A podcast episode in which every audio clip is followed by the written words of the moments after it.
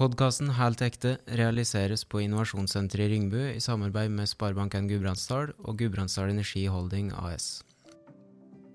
Du vil ikke oppleve at det er noe du brenner skikkelig for, som du står på stedet vil med lenge. Altså. Det, det tror jeg ikke skjer. For du har såpass kraft at da klarer du å få gjort noe med det.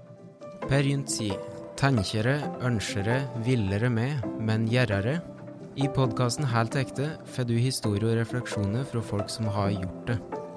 Dette er gudbrandsdøler som har våga å gå sine egne veier, fulgt sin lidenskap og vært framgangsrike på sine områder. Du hører på Helt ekte med Amund Grytting og Martine Rui Teige. Pål Egil Rønn er tidligere toppleder, gårdbruker, eiendomsutvikler og professor. Han er i dag styreleder i en 15-20 selskap, engasjerer seg sterkt i utvikling av Destinasjon Gålå, underviser som professor ved NTNU i Trondheim og driver et av landets største sauefjos. I perioden 2007 til 2015 har han gjort entreprenørfirmaet AF-gruppen til bedrifter med høyest vekst i Nord-Europa ved å lede det fra 1,5 til 11 milliarder kroner i markedsverdi. Pål Egil, velkommen til Helt ekte. Takk, takk. Takk for invitasjonen. Hvordan har du det om dagen? Jo, jeg har det som jeg egentlig har hatt det de siste ti åra. Eh, hektisk. eh, Mye forskjellige ting eh, som pågår hele tida. Mange prosjekter i ulike retninger, og det er egentlig slik jeg liker å ha det. Så, så en litt slik småhektisk hverdag, og, og egentlig der helga ofte går i hop med, med resten av uka, det er egentlig akkurat det jeg er på jakt etter. Så jeg er veldig godt fornøyd. jeg. Lurer på, Liker du best på Sauelating i Børkdalen, i forelesningssalen på Gløshaugen eller på AF-kontoret i Oslo?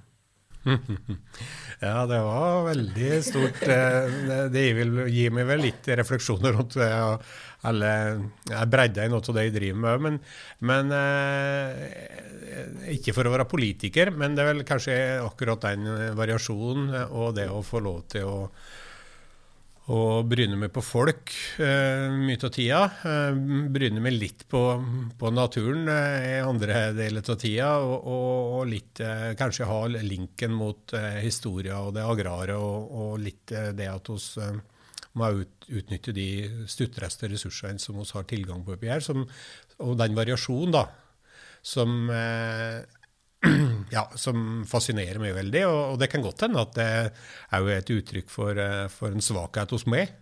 At jeg syns det ville blitt kjedelig hvis jeg skulle bare eh, sittet og drevet med akkurat det samme hele tida. For hvis jeg skulle gått i Børkdalsfjellet hele året, så tror jeg jeg hadde kommet til å mistrives. Og hvis jeg skulle aldri hatt noe avbrekk fra styrelederrollene mine, så hadde det blitt litt tomt. Og, og det samme hadde det nok òg blitt på, på, de fleste andre områder. Men slik som den rolla som jeg har i Trondheim, da med å undervise den neste generasjonen, det er for meg eh, kanskje den det perfekte settingen. da, Få noe vitamin. Eh, påfyll der, for det at uh, jeg får så mange spørsmål som jeg selvfølgelig ikke har tenkt på. Uh, for det, det, er noe som, som jeg forfekter, og har forfekta hele tida. At det er ikke noe slik at det er noen som er så mye smartere eller forrige generasjon, eller at de er så mye dårligere enn de som var før, osv. Men det som er mitt mantra, det er at for morgendagen, da, så er den kommende generasjonen mest tilpassa. Og det er slik verden må være, hvis det skal som gi mening, dette her. Så Derfor så er det så interessant å, å, å um, både skjønne hvordan de tenker, eh, og så er det jo interessant å på mange måter få understreke at de tenker faktisk såpass annerledes enn meg at det er på tide at de overtar mye av de sentrale, sentrale rollene. Og det syns jeg egentlig er veldig positivt. Og så er det selvfølgelig spennende å, å oppleve at um, jeg syns det er mye i ordtaket at verden går framover. Eh, opplever ikke noe slik problematikk i hele tatt rundt at, at de var med som så mye eh, hardere til å stå på, eller de hadde som en annen guts tidligere osv. Det opplever jeg ikke i hele tatt. Jeg opplever akkurat den samme intensiteten eh, og interessen og engasjement og energien. Eh, for hvert eneste årskurs som kommer på der. Og så endrer de seg litt grann, som i forhold til tankesettet. Men, men eh, rundt ambisjonene for livet så er de fleste generasjonene ganske like, tror jeg. Eh, og så får de nye utgangspunkt for hver generasjon som kommer. Mm. Er det hva du blir mest inspirert av om dagen? Eh, nei, krevende spørsmål dere har her i dag.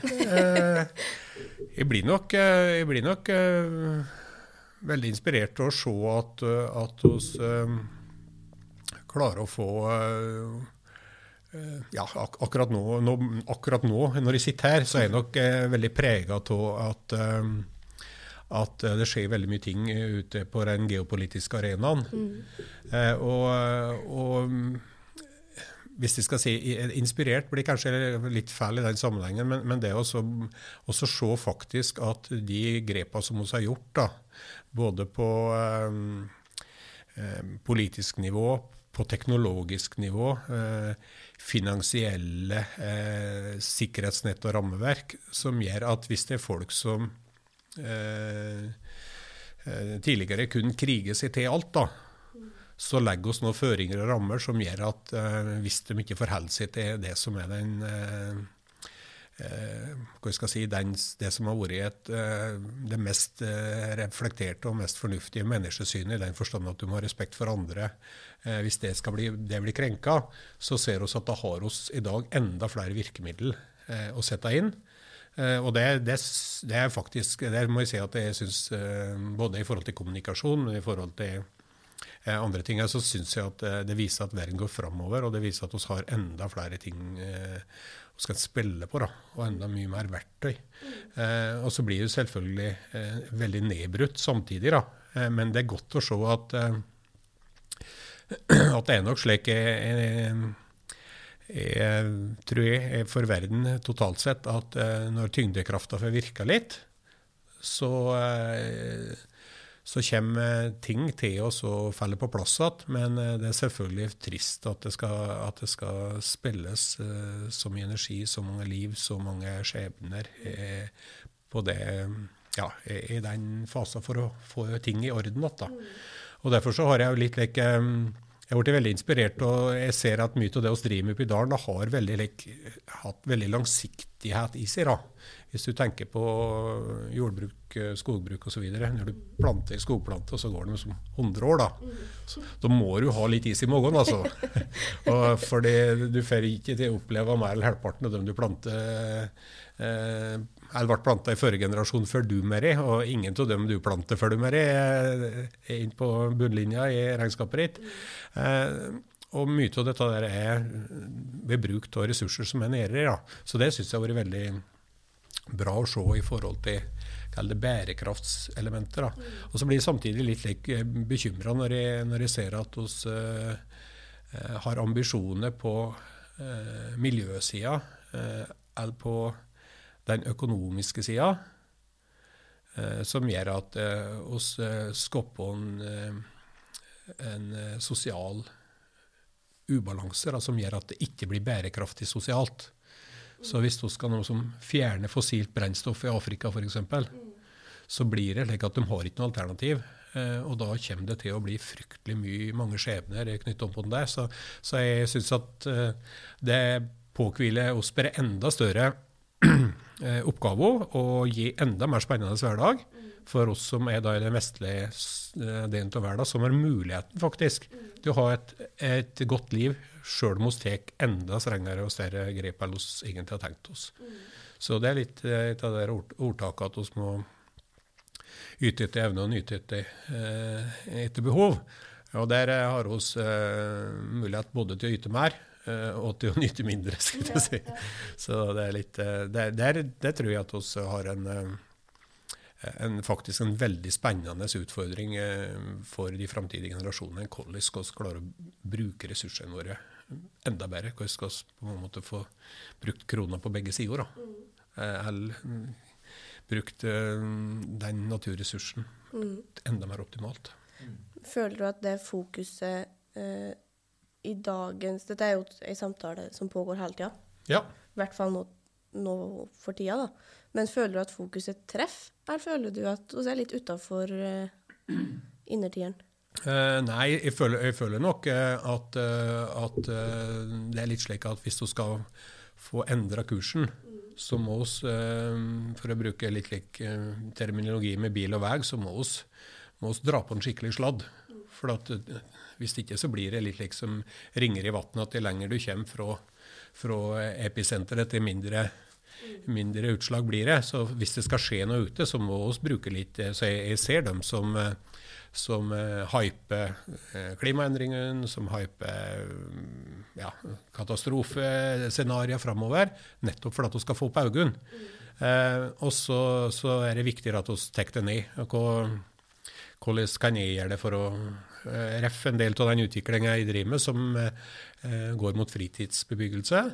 Så er det slik at um, jeg kan ikke fortsette med det uten å ha et helt annet fokus på um, hva slags energiforbruk vil det bli på de um, innenfor den, det segmentet framover. For dette er utgangspunktet, selv om det nå er, ikke er hytte lenger, men det er mer en, en deltids- slash fritidsbolig, så er det slik at uh, du kan ikke uh, argumentere for deg sjøl at dette er noe som, som er helt livsnødvendig. Uh, og så Derfor så er før jul så skal vi ha noen gode prosjekter på gang nå. Så før jul så skal vi eh, få ferdig den eh, første hytta som produserer mer energi enn hun forbruker.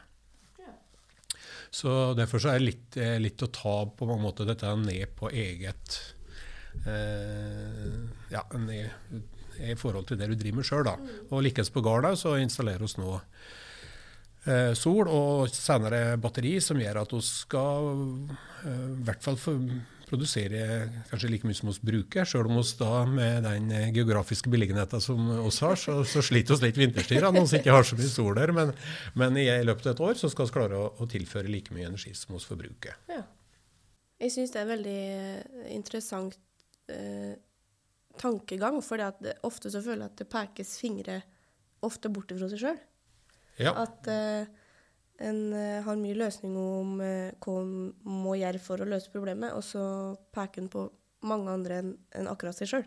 Eh, og Derfor så blir det veldig spennende da, å se hvordan markedet reagerer mm. eh, på eh, eh, ja, hvor mye koster det ekstra hvis de skal produsere like mye strøm mm. som jeg forbruker sjøl. Uh, og hva er på mange måter, hva er effekten for meg.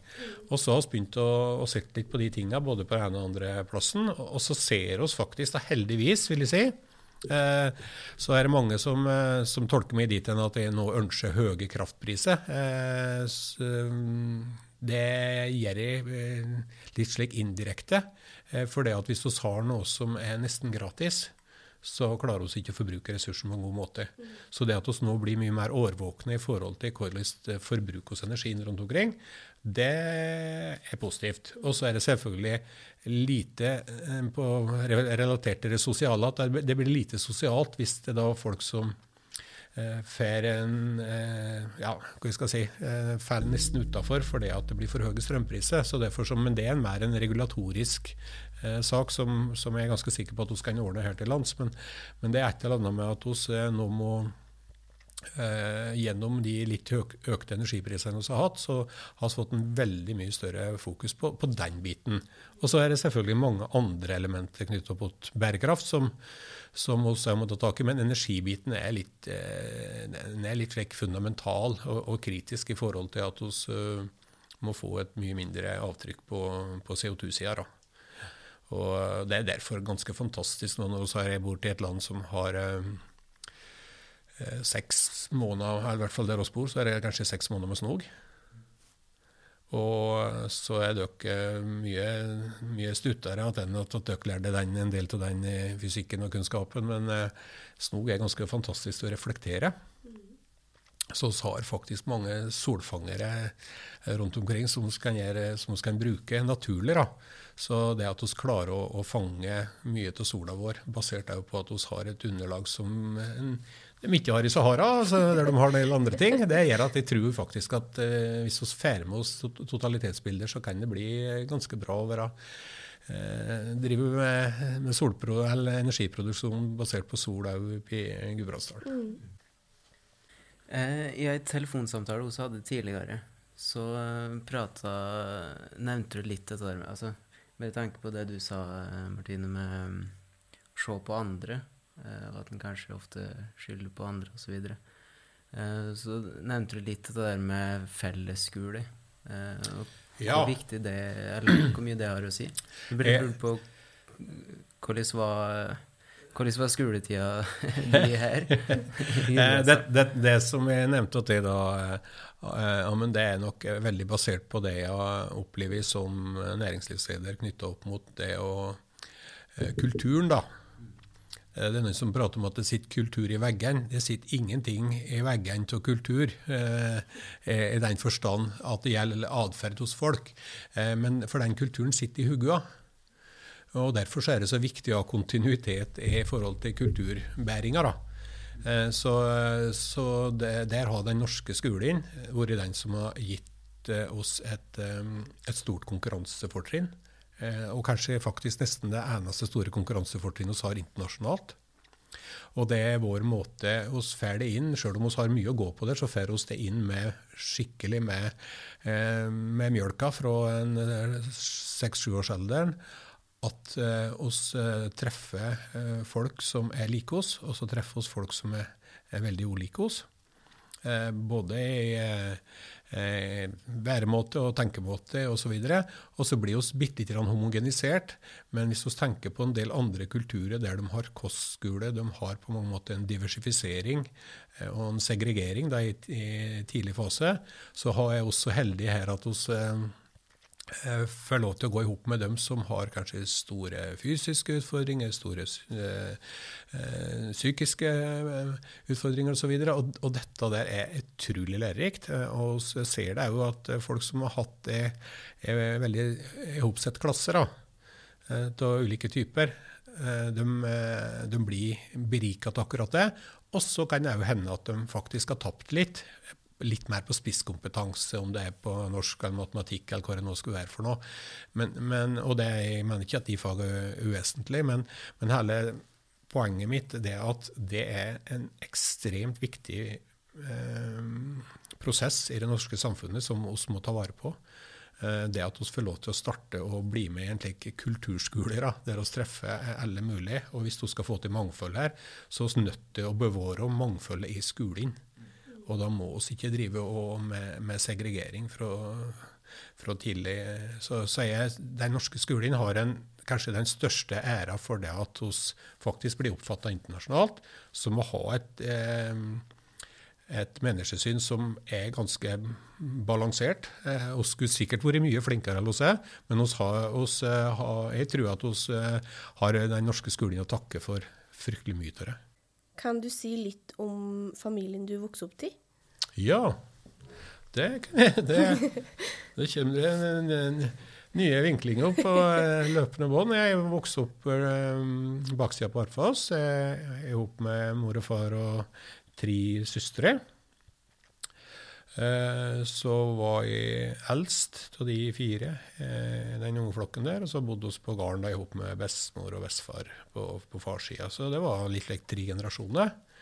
Eh, som var eh, der den eldste var født i 1897 og var, ja, var vel 20 år under første verdenskrig. og, og, det var selvfølgelig veldig spennende da, når du ikke hadde noen andre lekekamerater å høre Eh, hans eh, tanker og refleksjoner om ting, for han hadde elleve av ti. Eh, og så var kanskje litt det mer til ettertanke eller til, til kopiering. Men, men, det var Det gir i hvert fall noen refleksjoner i forhold til at når vi forandrer oss kulturelt, så skjer det litt hver generasjon. men vi må, må, ikke bli overraska om vi føler oss veldig lik Per Gynt. de fleste av oss fortsatt. For det er ikke mer enn fem-seks generasjoner siden eh, Ibsen skrev Per Gynt. Så det har ikke så, gått så mange, mange runder. Eh, så derfor så, så um, Selv om levestandarden har endra seg dramatisk, så, så, tror jeg at oss er egentlig veldig like de førre generasjonene i, i ja, ting som betyr noe for oss. Eh, eh, ja, det som oss egentlig innerst inne er opptatt av, og alt det der, så er det nok uh, ganske likt. Og så har vi vært så heldige nå at vi har sluppet å bekymre oss like mye for å ha tett tak og mat på bordet som de hadde før. Eh, som gjør at vi da får noen andre bekymringer. Da har vi tid til å bekymre oss for andre ting. eh, så, så, det var en veldig god oppvekst og, og barndom, det, altså. Hvem du var i klasserommet, da? Og hvem jeg var? Oh, jeg, var jeg tror jeg var litt, litt plågsom, i den forstand at eh, jeg var, nok, jeg var nok ikke noe slik Jeg hadde ikke noe veldig mye like, flink pikesyndrom. Men eh, eh, jeg hadde Jeg gjorde noe litt slik Fulgte med lik noenlunde, så, så jeg Og så var jeg sikkert i overkant litt pratsom, tenker jeg.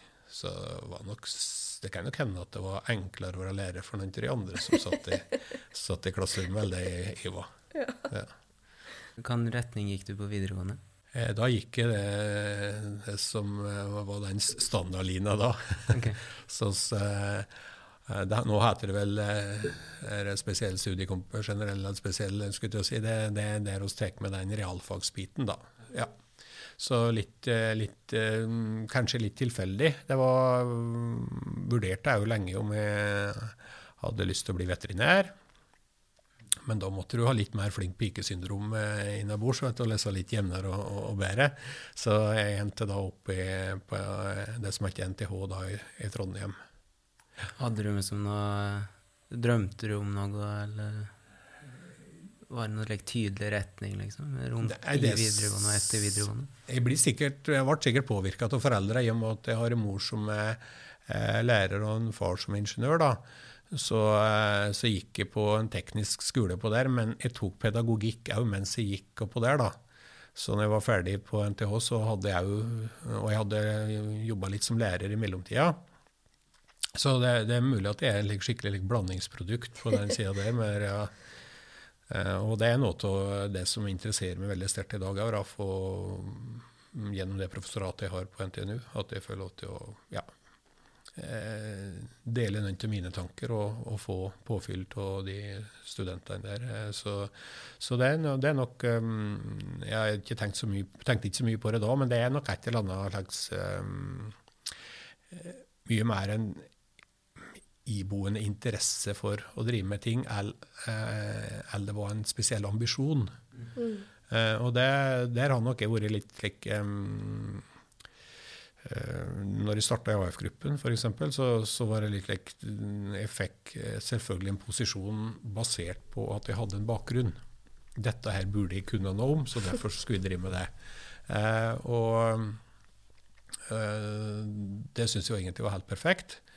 Eh, og så eh, så jeg at eh, oppgaven de fortsatte å være interessante da, og ble nye og, og annerledes hele tida. Og, da, og det, det, var egentlig litt den opplevelsen at til mer gass jeg ga, det var egentlig det som bestemte ene og alene hva slags muligheter som lå der i tida framover. Så, så, derfor så, så, er dette det litt som uh, Det er ikke så mye uh, fortere du skal kjøre uh, eller resten. Nesten ikke merkbart. Men hvis det holder på over tid, så, så, har du en mulighet til å på mange måter skaffe deg eller påvirke de eh, i den retningen du ønsker. Da. Så det, det er litt likt det gamle ordtaket at det er jevne som dreg. Det er nå én ting, men, men, du må ha en genuin interesse til å på mange måter få tak i nye oppgaver, prestere, levere.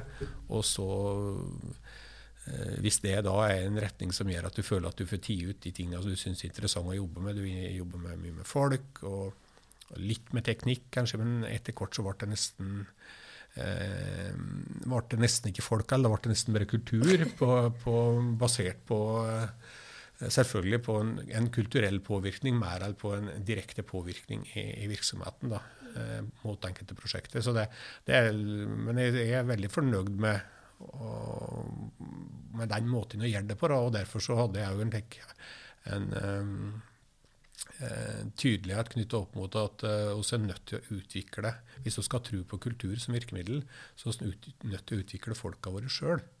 For det at når de kommer fra andre plasser, så er det ikke noe feil med dem, men de har en annen kultur. Og den kulturen, eh, den kan vi ikke etablere som en subkultur her. For det blir litt urettferdig både for dem som er her, og for dem som kommer inn her. Så derfor så er det, det, har det støtt det vært lettest da, å komme inn i AF, da, som jeg jobber mest i, eh, og eh, starte ledergjerninga si der. Slik at de ikke opplever at det kommer noen fra utsida, og det er mye enklere å få toppjobber hvis du kommer fra utsida. Eh, og det medførte òg at oss, eh, med vårt konsept altså ble vi dårlige til å rekruttere eh, trena folk fra ute. Veldig gode til å rekruttere nyutdanna. Og jeg tror at oss la egentlig litt opp til det sjøl. Og de som kom inn da fra andre selskap hadde med mye trening, de fikk knallhard konkurranse. Selvfølgelig de ble sett på som en liten trussel i forhold til det. For de hadde ikke gått den eh, AF-erne sine den eh, riktige slash samme skolen. Eh, så, så, det har vist seg at det har virka, og så har fortsatt eh, ikke rekruttert den første konsernsjefen eksternt fra. Og så har en gjennomsnittsalder i konsernledelsen på Eh, veldig få og 40 år, som er ganske unikt. At vi holder nede på like par 43 år gjennomsnittsalder hele tida. Og det betyr at du må fylle på. Mm. Så dette der også eh, slippe til folk eh, det, det, er ikke bare fordi at jeg er helvelatt skulle jeg si, at jeg har gjort det. Det er fordi jeg, jeg har veldig tro på, på det, altså. Eh, for hvis du ser vår egen utvikling fra som, som 60 til 16, da, så har vi en voldsom, klekk, eh, voldsom utvikling. Og så er det en risiko for at vi etter kort eh, stagnerer. Og da er det selvfølgelig mye enklere å gjøre det til selskap der du har en vekst. Så derfor så var noe av Eh, hovedmantraet vårt at vi måtte ha en lønnsom vekst hvis det skulle være en attraktiv plass for våre medarbeidere i dag. For det medførte at de fikk kunne få sjonglere litt, få litt nye roller og få mulighet til å utvikle seg. Så eh, var, jeg var med i det selskapet for oss satt rundt ett lunsjbord. Og i dag er det ca. 6000 som er i butikken. Og jeg er fortsatt litt involvert i Så jeg var på det første prosjektet som selskapet kontraherte.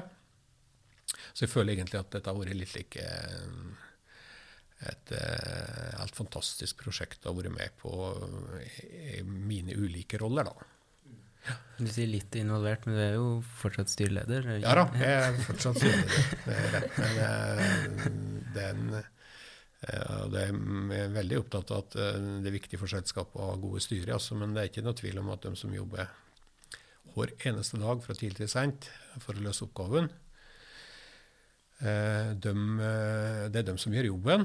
Eh, men det viktige for styret det er at de skjønner hva er, det, hva er det spesielle ved kulturen i det selskapet her. Hva er det hun skal ta vare på? Og er det noen ting her som oss ikke skal ta vare på? Har oss noe, Og det er spørsmålet. Folk prater veldig mye om kultur nå. Men det å stille seg det spørsmålet har oss noe ukultur. Når, med en gang du stiller deg det spørsmålet, og blir ærlig, ærlig med deg sjøl på det, så finner du ut ja, det er faktisk Om det er en ukultur på møtesida, eller om det er en ukultur i forhold til eh, oppfatninger rundt eh, mangfoldselementer som legning, etnisitet, kjønn, hva det nå skulle være for noe, så, så må du liksom se på det som at dette er ikke en kultur er bekjent av. Dette her skal vi få gjort noe med. Og slik er det fortsatt òg i AF-gruppen, at det er flere ting vi ikke er fornøyd med.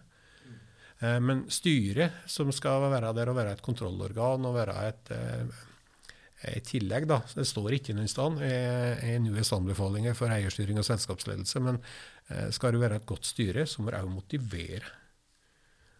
For det at det sitter, de som sitter i øverste ledelse i administrasjonen, der de har ingen andre plass å hente på mange måte inspirasjon fra oversida. De kan få mye inspirasjon til egen organisasjon, men hvis de skal både få korrektiv og inspirasjon oppe, så er det styret som må ha den rolla, etter mitt syn. da. Så det er, det er en Jeg syns det er veldig artig å være med i den rolla der. òg, Det syns jeg. Du kom jo inn ganske tidlig, altså, og jeg har selvsagt jobba med kultur hele veien.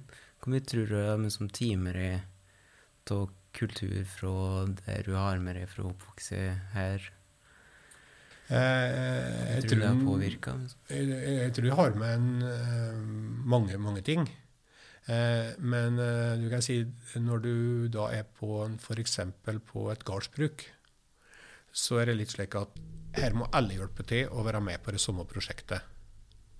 Eh, det har noen veldig mange gode sider, og så har det noen ting som ikke er så veldig bra. Så når AF-gruppen, som har vært såpass stort hele tida, har sagt at Eh, du skal ikke gå i hælene på mor di eller tante di eller onkelen din eller hvem det skal være når du er ute på prosjekt. Da skal du være en annen plass. Du skal ikke bli på mange måter eh, løfta opp på bas basis av andre ting eller, eller at eh, dette her er som rene linjer. Og du skal heller ikke bli heller nede av den som, som er som på mange måter står de nær. Så derfor så, eh, Det er en mulighet som vi har hatt i AF-gruppen, og som vi kanskje ikke har så mye innenfor landbruket. Eh, og eh, da blir Det gir på mange måter en slags et, et frihetselement og en mulighet til å på mange måter unngå å forklare vekk at ting er som de er, eller at han er så håpløs osv. Eh, så, så, så slik sett så, så, kan jeg si at den delen av kulturen, da, den har jeg jo sett hvor viktig er.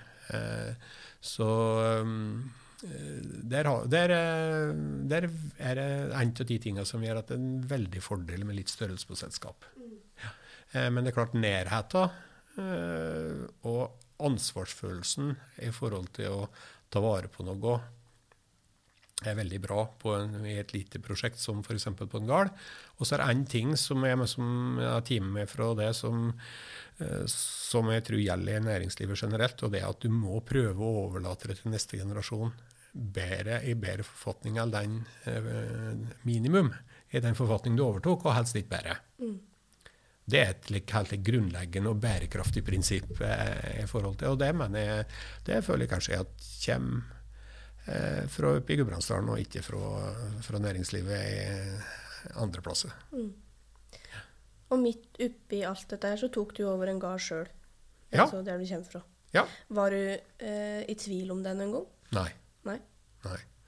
Det burde sikkert ha vært litt slik eh, ut ifra mange hensyn, men jeg, det, var, det, var, på mange måter det, akkurat det spørsmålet det, det kan godt hende at jeg stilte meg det, men det var, jeg stilte meg ikke så grundig at jeg, at jeg begynte å tvile på det.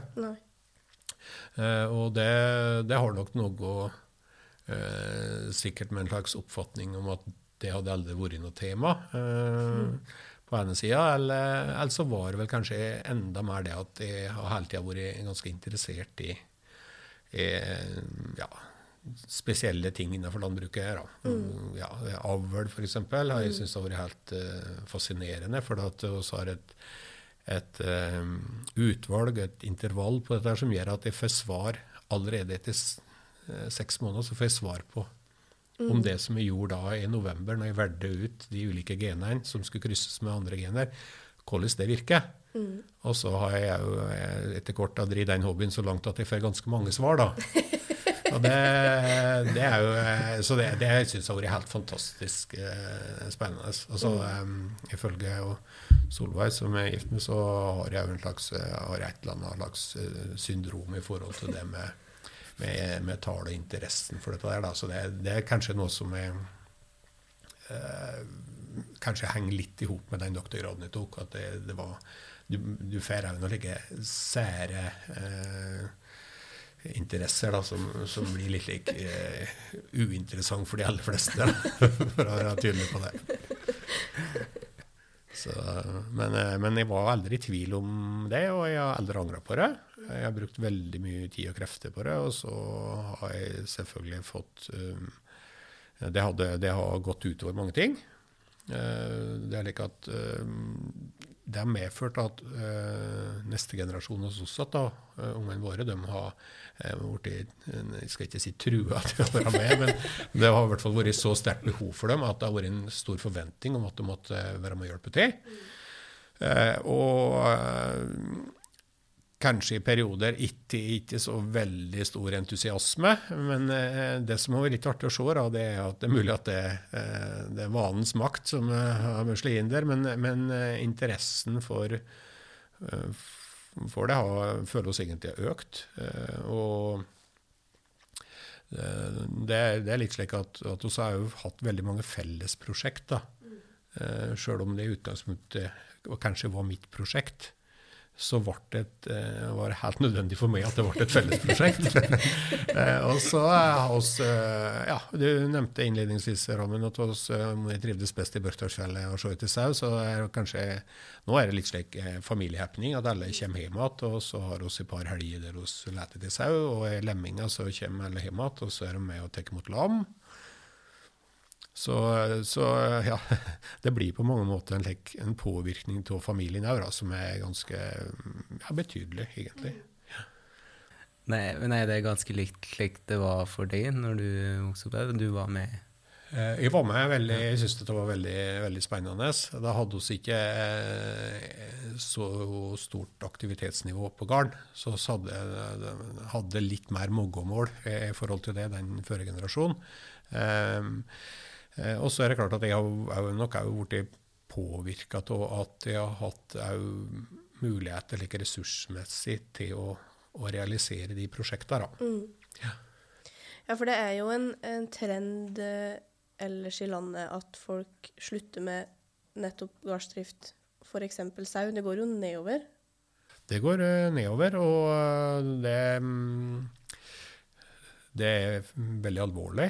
For at, uh, hadde det vært slik som en del andre ting, at du, du kan liksom ta opp igjen treninga neste år, eller at du kan uh, starte med noe annet neste år, uh, så går det selvfølgelig an innenfor landbruket. Men det er ganske mange ting nå som skal inn og, og på plass.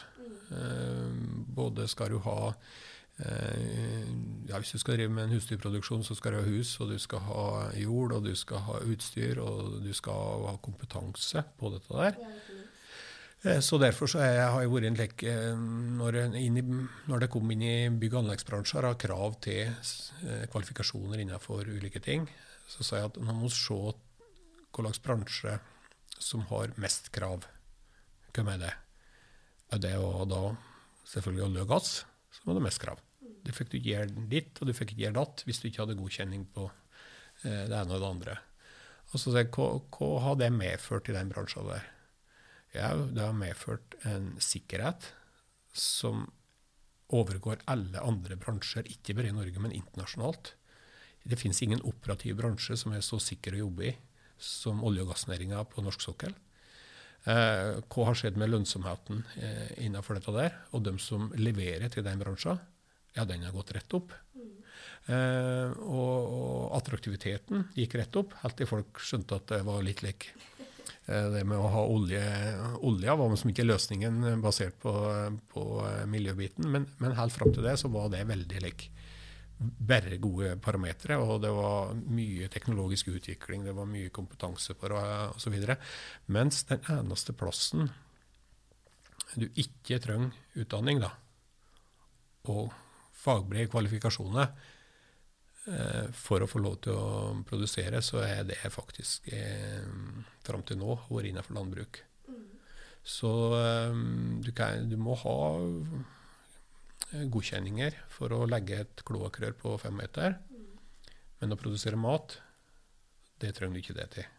Det syns jeg er veldig dumt. Så jeg hadde selvfølgelig gjort de avskilta eh, som matprodusent, i den forstand at jeg ikke har nok eh, formell eh, kompetanse, men den har jeg måttet skaffe meg. Mm. Og det, har, eh, det, er ikke noen eh, jeg mener, det, det, sitter så ekstremt mye kompetanse i norsk landbruk. Eh, det gjelder bare å få formalisert henne. De, det er et enormt hvor mye kompetanse det sitter om, mange ting. Alt fra, eh, fra jordsmonn og ja, til, til det, biologi og ja, det, det meste. Så, så, det er viktig at oss hvis vi skal ha den bransjen konkurransedyktig for de forutsetningene og de premissene vi setter for tida framover, så må vi få formalisert det. Og det blir da en uh, litt like, usympatisk, kan du si. at Da blir det slik at oss med det kommer oss til å ekskludere en del av de markedene som kan levere til oss. Uh, men hvis vi uh, sier at det er sosial dumping å ta inn folk hit til 150 kroner timen, så er det slik at hele det norske samfunnet driver med sosial dumping overfor det norske landbruket, for det er nesten ingen som tjener 150 kroner timen til dem som driver med det. Mens, eh, så derfor så, Da må oss gjøre det slik at eh, skal du ha noe som er fritt for medisin, og er dokumentert fritt for medisin, skal du ha noe som er eh, basert på den og den, eh, de og de krava, så blir maten i Norge dyrere. Ja. Men eh, eh hvis det er slik at vi syns at alle skal tjene godt i Norge, unntatt den eh, pariakasten som skal produsere maten vår, det kan vi kjøpe fra Botswana eller Argentina eller eller hvordan det skulle være. Og om det er 150 ganger så mye medisin i det som kommer fra Italia, så kjøper vi det likevel. Hvis vi vil ha det slik, så, så, er det selvfølgelig en eh, Da skal vi fortsette som vi har det. Og hvis ikke, og da, å, da er norsk landbruk historie. Eh, men hvis vi skal si at dette er en uh, viktig i forhold til sjølberging, det er viktig i forhold til kvaliteten på produkter, uh, for oss har faktisk råd til å og være med å sette standarden for framtidig eh, jordbruksproduksjon og matproduksjon. Og med den måten kan vi òg kanskje utvikle eh, bruk av ressursene våre som gjør at vi eh, får eh, f.eks. ulike Vi kan eh, faktisk produsere kjøtt på en bærekraftig måte eh, uten at det da eh, ja, eh, opp på en slik måte at det, det påfører klima- og miljøregnskapet store negative effekter. Så jeg, så jeg tror at vi har en også i landbruket som prøver i alle sammenhenger å si at eh, lett de setter krav til oss. Det er den beste forsikringa vi har for det at de har bruk for oss framover.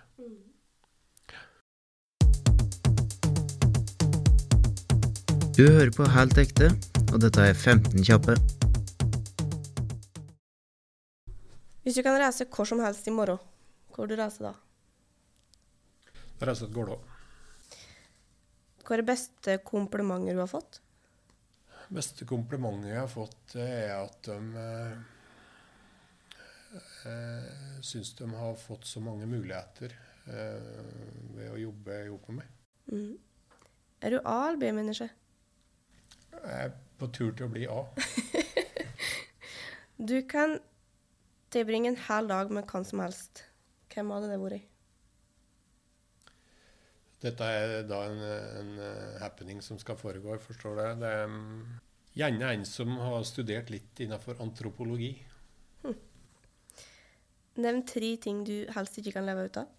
Helst ikke ut av. Det må helst ikke ut av Solveig. Av familien. Eh, og så er det litt slik at jeg vil nok gjerne sette pris på å se eh, det som vi kaller sentrale strøk i Norge, som hos City nå.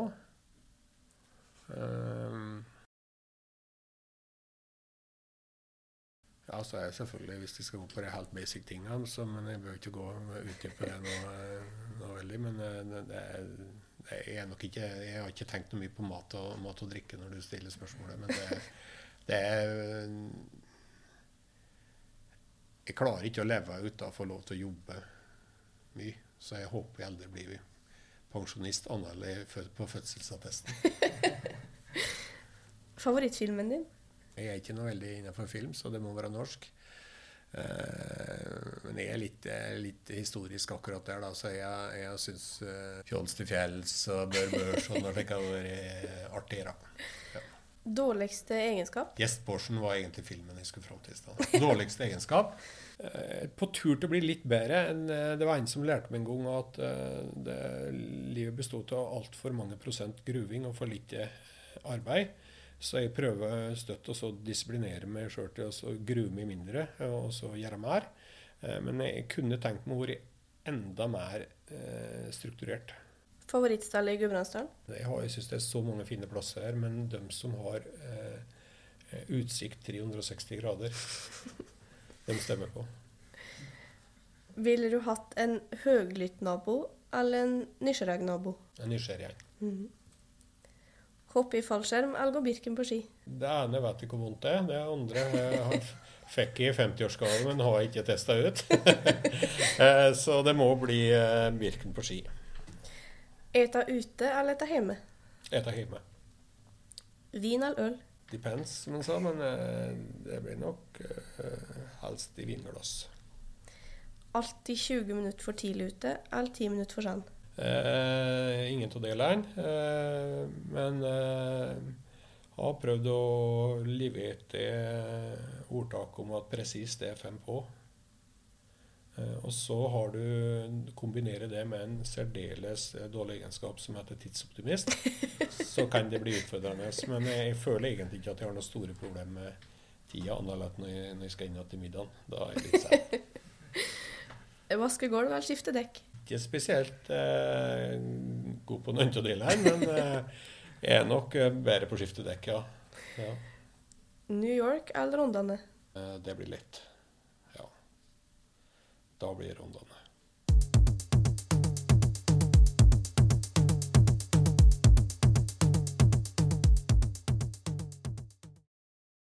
Hvordan ser en typisk dag for deg ut? Eh, ja. Eh, det er litt slik at hvis eh, jeg har um, jeg har stort sett en, en, eller annen slik touch innom de fleste av de elementene hver dag. Og jeg bruker som regel dagen forholdsvis godt. Så jeg, har en slags en brief i forhold til det som foregår på gården i fjøs og slike ting. Om det er kalving eller lemming eller paring eller sortering eller henting eller hva det nå er for noe. Så det er en liten runde, og det er som regel eh, nesten det første, eh, rundt klokka sju. Eh, og enten så er jeg noe av det sjøl, så er det slik at jeg da eh, tar en brief i forhold til hva vi skal fokusere på. Eh, og så starter Og det kan foregå både fysisk og på telefon. Og så eh, kommer da som de andre tinga litt, eh, litt, utover dagen. Enten så er jeg på styremøte, eller så er jeg på City og jobber med utvikling av noe tomtefelt, eller kanskje er det salg av ei tomt, eller um, slike ting. Og så, så har jeg altså jeg i Trondheim og forelesning. Så det, det, er en, det er litt som du tok eh, på kornet her innledningsvis, at det er faktisk et ganske stort eh, spekter av oppgaver i bredde. da. Så det er ikke, sikkert ikke noen flere oppgaver de fleste har på en dag. Altså, men det, um, det gjør på mange måter at det blir en slags evne til å omstille seg i de ulike problemstillingene som kommer opp. da. Om det er det tunge finansielle beslutninger til et konsern, så er det én ting. altså er det som må du huske å bestille kraft for før klokka er tolv, eller melde inn sau eller et eller annet. Så, så det, det, er veldig variert. Men det, eh, det, går veldig lett når du er interessert i det du driver med. Eh, og den eh, kaller det passion for ting, da. Den tror jeg er veldig viktig å ha med seg. For at du, du, vil støtt være litt mindre motivert og litt mer motivert osv. Men hvis det er noe du grunnleggende har lyst til å, å vie en del av livet ditt til, så, og du tenker over, eh, hvis du tenker litt bakover i tid, så ser du at oi, jeg har faktisk fått til litt lell, da. Selv om jeg syns at egentlig så driver jeg og kaver og kaver og kaver, så, så har det faktisk skjedd litt, da, hvis du ser bakover. Så det er av og til vi må bruke det trikset der. Og så se har det skjedd noe de siste året, eller har det ikke skjedd noe.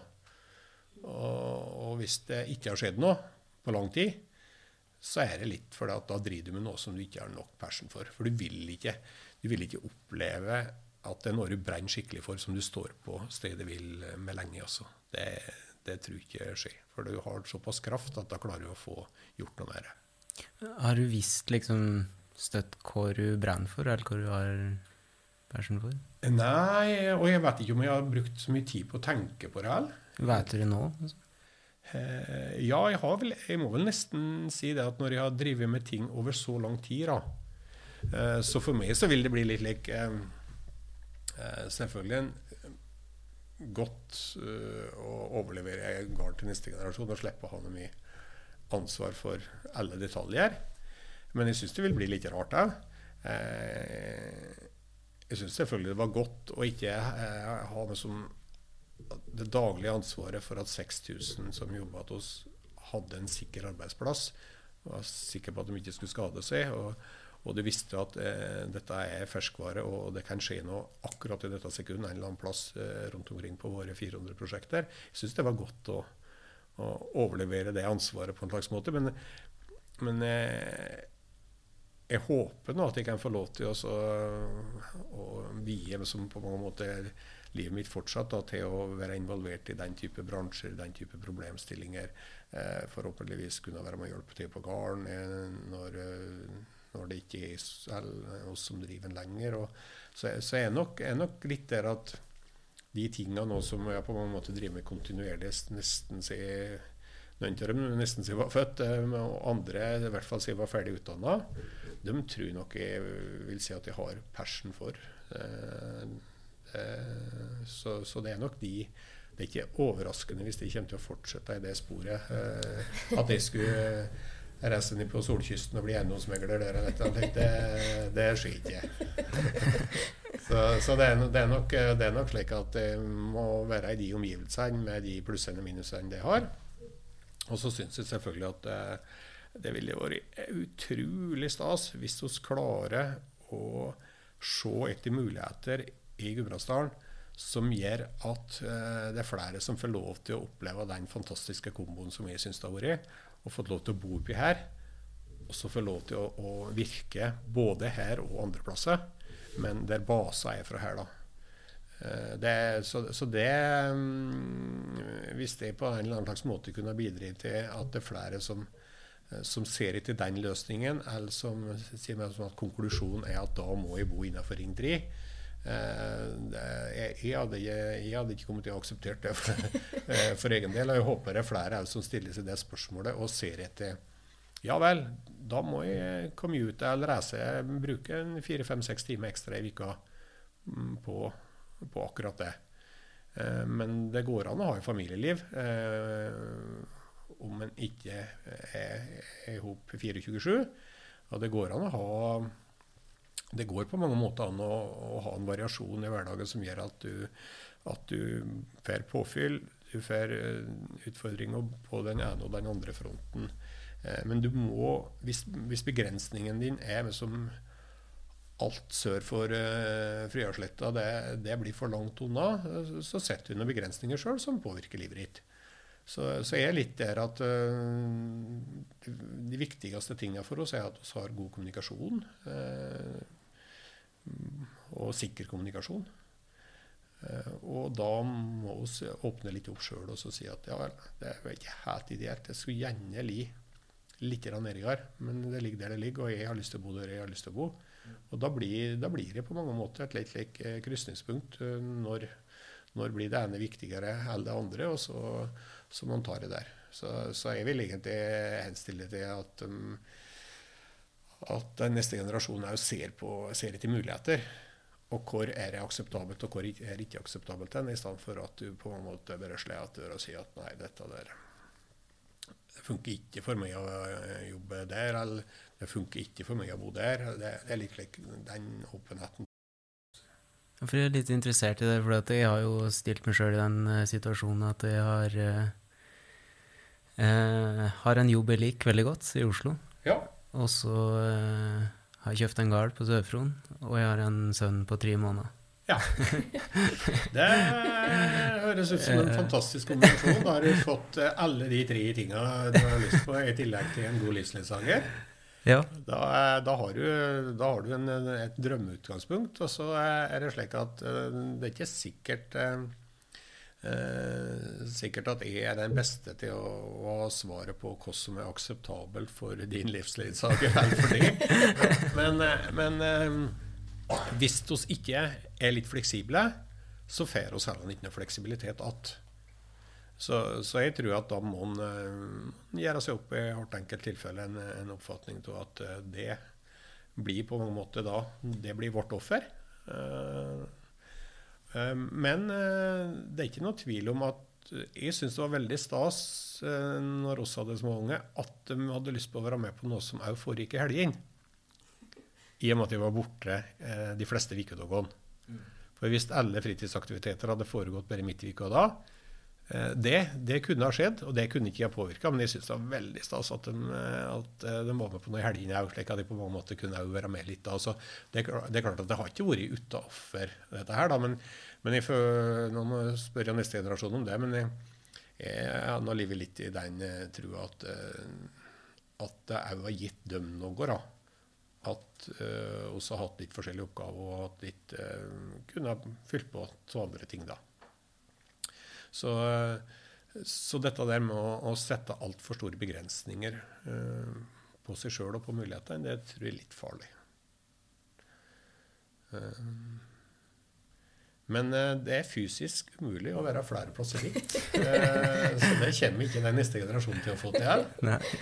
så det må vi bare akseptere. men det ble selvfølgelig en livsstil å være i, i resten natt til mandagen og kom igjen uh, sent, sent torsdagskveld. Uh, og med den, den, jobben som vi hadde i Oslo, den, det var fantastisk i forhold til den jobben å ha full frihet der. Og så hadde jeg jo veldig stor frihet når jeg var hjemme i forhold til å, å skjøtte de andre tingene. Så for meg så ble det, hvis jeg skulle ha drivet, hatt den jobben i AF-gruppen og hatt gard på Romerike eller en annen plass, Eh, så tror jeg at jeg hadde kommet til å mm, fått mye større utfordringer på begge plasser enn det jeg fikk. Så det å Den muligheten, den uh, syns jeg var helt fantastisk. Mm. Og så er det litt av at f.eks. en jobb da, Du refererer til at du har en jobb du liker veldig godt i Oslo. så ikke, ikke um, lur deg sjøl til å tro at du kan um, på en måte henge med de andre hvis du ikke er til stede i hvert fall 60% av tida. Det tror jeg er et minimum. Hvis, hvis du liksom begynner å er, er borte like mye fra, fra, den dynamikken på den arbeidsplassen som du er der, da blir du akterutseilt, tror jeg. Så at du må være der i hvert fall tre dager i uka, det tror jeg er et minimum hvis du skal henge med både henge med sjøl og evne å sitte på den følelsen at du klarer å gi nok til andre. Så, så det, er en, eh, det er jo litt like, også diskuterte veldig mye AF for det at vi har prosjektvirksomhet rundt omkring. Og da er det, kommer denne spørsmålet støtt opp ja, men jeg bor der, og jeg bor der. Og, ja, eh, og så er vår erfaring da at det gjør du. Men prosjektet får oss ikke flytte. Så da blir det ditt valg har du mulighet til å være på den, det prosjektet, som, og hvis du skal være der som leder, så er det litt slik at da må du være der fire dager i uka. Hvis du ikke er der når, det, når som startskuddet går, da, da, blir dette problematisk. Og så om du reiser til torsdag klokka fire eller klokka sju, eller for eller hva det nå er for noe, det er ikke så viktig hvis du har organisert alt uh, godt. Men, men, du må på en måte bestemme deg for at er der når, når, startskuddet går, og så er jeg med og er en skikkelig bidragsyter når jeg er der. Og så får jeg mye større frihet i andre enden til å gjøre andre ting da. Så, så jeg ja, nei, det er selvfølgelig spennende. Så jeg ser det at det er sikkert mange, mange oppskrifter som, som fungerer for, for, de ulike. Men eh, det er nå lov å prøve litt av. da. Og så hvis det er ting som da ikke funker, så, så må du bare ta inn over seg det. Eh, og så er det selvfølgelig en del ting som vi ikke kan påvirke. Eh, hvis vi har noe eh, omsorgsansvar eller helseutfordringer, eller slike ting, så, så, kan det være perioder der vi må be om litt like timeout og permisjon, og, og, kanskje si at kan jeg være så snill å få lov til å prioritere andre ting i periode? Og det syns jeg at vi har blitt ganske flinke til i Norge, å prate om det. At akkurat nå så er tårner ting seg opp litt, og så må jeg få litt hjelp til å, å få sortert ting her. og hvis de kunne um, og da, da, kan jeg ikke si at da har jeg lyst til å ha permisjon fra stillinga som konsernsjef. Det kan du ikke be om. da, må du, da, må du, be om For de er nødt til å ha en hærfører hele tida, og det må de ha på hele prosjekter òg. Men det, da det, blir det bred prioritering. at du må da er det andre ting som er viktigere enn at jeg beholder den lederrolla. Det er viktigere for selskapet, og det er viktigere for deg. Så jeg, jeg jeg litt der at uh, vær så snill og, og se hva som uh, Teste ut litt hva som kan være optimalt for dere. Uh, for det at i en periode så kan det sikkert være veldig optimalt å være tett på en oppvekst. andre perioder så er de ferdig oppvokst, og så er de ikke det lenger. og da, da, har de i hvert fall ikke behov for det, så da kunne du slik sett ha pendla enda mer. Men eh, jeg gjorde noe litt like klønete på den måten. Jeg, jeg var nå borte når de vokste opp, da. Men eh, kanskje var det lurt at de eh, ble mest påvirka av mor sin. men du har jo eh, prata mye om tidligere å skape attraktivitet mm. i Gudbrandsdalen. Ja. Og det har jo òg mye å si for oss som kommer etter, da, for at oss skal ta valget om å komme tilbake hit. Hva tror du må være på plass for at det skal være et naturlig valg å komme hit igjen? Jeg eh, skulle selvfølgelig gjerne sagt at vi er nødt til å få til nok attraktive arbeidsplasser her, eh, som da eh, hadde gjort den problemstillinga som vi tok opp nå i stad, helt unødvendig å diskutere. Og så ser jeg at realismen i det er, ikke, er nok ikke helt til stede.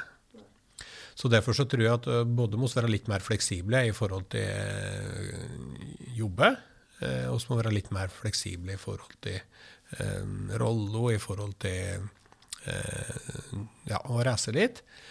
Eh, men, men, det å så eh, Hvis dere skal da flytte hit og, og eh, vokse opp, eh, eller få ungene til å vokse opp og ha det trivelig her, så, så tror jeg at den skolen den er veldig viktig.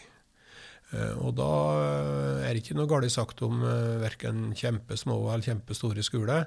Men du må ha et, et, eh, oppvekstmiljø som gjør at det er på mange måter, det er nok folk til at dette der blir mangfoldig nok. da. Så jeg tror at det er veldig viktig. Så, eh, og jeg vet at vi har hatt veldig mange gode skoler i Gudbrandsdalen. Eh, men den endringen som er i folketallet, og like ting, gjør at vi må se litt nytt på å få store nok, store nok. Og det betyr ikke kjempestort, men det betyr store nok kalle læringsmiljøer. Eh, både som er attraktive for, for elevene, selvfølgelig, men som er, og foreldrene deres, og som er attraktive for lærere. Eh, og så er det litt slik at eh, hvis vi får den snogballen der til å rulle, så klarer vi òg å, å, få med oss uh, folk som, som ja, har interesse og fagfelt som, som, gjør at de ser nye forretningsmessige muligheter oppi her. Eh, men, men vi kommer som ikke vekk fra at ja, det tar tre timer å komme til Oslo. Det gjør det. Og det gjør det for dem som bor i Trondheim òg. Og eh, de fleste eh, selskap og de fleste beslutninger det blir ikke ti i Trondheim. Og de blir ikke ti på Sør-Fron, men det blir ti i Oslo. Så slik sett så bor ikke oss veldig usentralt. Og så har både tog og så har bilvei og så har eh, det meste. Så, så det, det, er litt måten hos eh, det, er ikke stuttertid fra nesten noen plass på hele Vestlandet eller er fra, fra oss, uansett om vi bor ved full plass. Så, så det, er, er, eh, det, er, ingen som ser på det å reise til og fra Bergen som noen, noen stor sak. Det ikke ikke de å reise fra Oslo på Gardermoen og ta fly til Bergen. og og, komme seg fra Bergen og, og, og hjem igjen. Eh, eller vice versa. Så, så det, derfor så jeg, jeg tror at vi må, må, se på den muligheten, og så må vi sørge for at, at vi uh, òg har et uh, ja, har et velfungerende uh, system knytta opp mot egentlig alt fra vugge til grav. Da. At, at vi har òg en kommune som har attraktive arbeidsplasser som gjør at vi kan få gode tjenester i alle deler av livsfasen. Så er, jeg syns egentlig at vi har veldig mye bra. og så må vi bare tilpasse oss at Hvis det blir dobbelt så mye kunder, så må vi tilpasse oss det. Og hvis det blir halvparten så mye kunder, så må vi tilpasse oss det. Og det har vært litt slik eh, eh, Den dystre spådommen for Gudbrandsdalen nå, det er at, eh, at vi går nedover og nedover og nedover på hele, hele på folketallet. Og så viser kurvene at det er ikke så ille som det. Og så, så legger vi oss om kvelden og sover godt om natta pga. det. Men hele årsaken til at vi ikke blir færre, vet du, det er at vi blir gamlere og gamlere. og det er bra, det. Eh, men, men det, blir en, eh, det, blir derfor enda viktigere for oss å få inn igjen den yngste generasjonen hele tida, som gjør at vi har, eh, har spenn i eh, i eh, ja, befolkning, aldersgruppe og alt. Så for det å for den neste generasjonen å vokse ihop med foreldre, vokse opp ihop med foreldre og ha nærhet til besteforeldre og like ting, det tror jeg de fleste syns uh, høres veldig positivt ut. Og det må jo puttes på i vektskål i forhold til uh, hvor du skal slå deg ned igjen. Og så vet vi at hvis ikke dere kommer igjen nå, så skal dere bli besteforeldre. Og da, da, er det ingen grunn til å flytte til Gudbrandsdalen, for besteforeldre bor i Oslo òg. Mm. Så, så det, det, er litt slik at hvis vi um, får den spiralen til å gå rette veien, så bygger det litt på seg sjøl. Og hvis den går andre veien, så, uh, så uh, blir vi litt like avfolka etter hvert.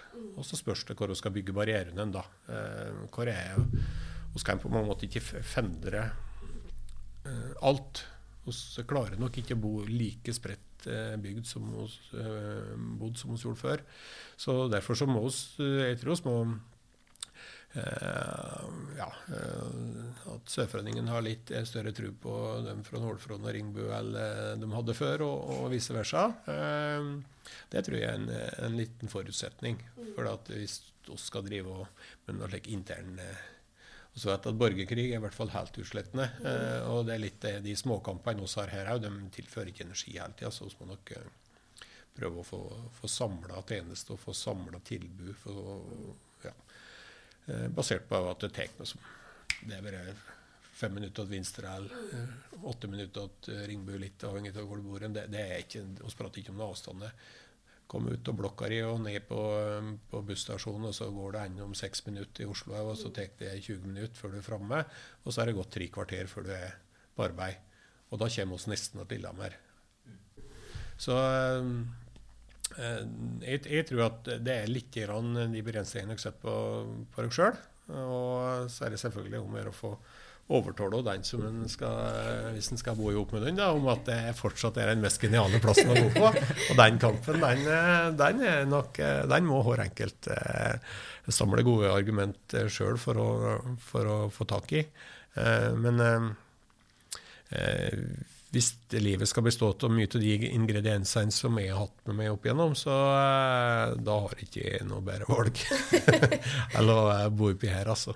Jeg kan ikke si at uh, nå har jeg vært så heldig å ha fått lede et stort børsnotert selskap og sitte i styret jeg fortsatt i mange store både uh, børsnoterte og andre og, som har nasjonal og internasjonal virksomhet. Så, så jeg klarer ikke helt å, å, si at det noen gang har vært noe begrensning for meg at jeg bor i Gudbrandsdalen. Så skal jeg ta ett siste spørsmål. Hvis du skulle gitt ett godt råd til en ung gudbrandsdøl i dag, hva skulle det vært? Et godt råd til noen gudbrandsdøl som ikke jeg kjenner. Mm. Og det er så godt det rådet at det skal være eh, en rettesnor for, eh, for alle unge gudbrandsdøler. Det var uh, et livsfarlig spørsmål. um, nei, jeg må selvfølgelig holde meg til det at vær så snill og prøve å finne noe som du brenner for. Uh, og så håpe at du ser eh, etter muligheter for å få brenne for det. Eh, enten i Gudbrandsdalen eller med utgangspunkt fra Gudbrandsdalen. Ja. Takk. Tusen takk for at du ville være med bare trivelig. Og så må jeg si at jeg håper se dere både på butikken eh, og på, eh, i fjellet. Og, eh, og, gjerne at dere er med oss og påvirker eh, Gudbrandsdalen på en god måte framover. Dere er eh, de som kan påvirke det mest. Det er dere som eh, skal ta den stafettetappen som nå står framfor, og kan være med å og både påvirke oss eh, i alle livets faser, og alle, alle, som en eh, destinasjon for dem som skal bo her, og for dem som vil besøke oss. og, og for tida framover. Så jeg syns at prosjektet dere har, er veldig spennende. Eh, og det at vi tør å løfte blikket litt og prate om ting, det håper jeg gir oss et bedre refleksjonsgrunnlag for å ta de store beslutningene i livet. Så lykke til. See you, er ikke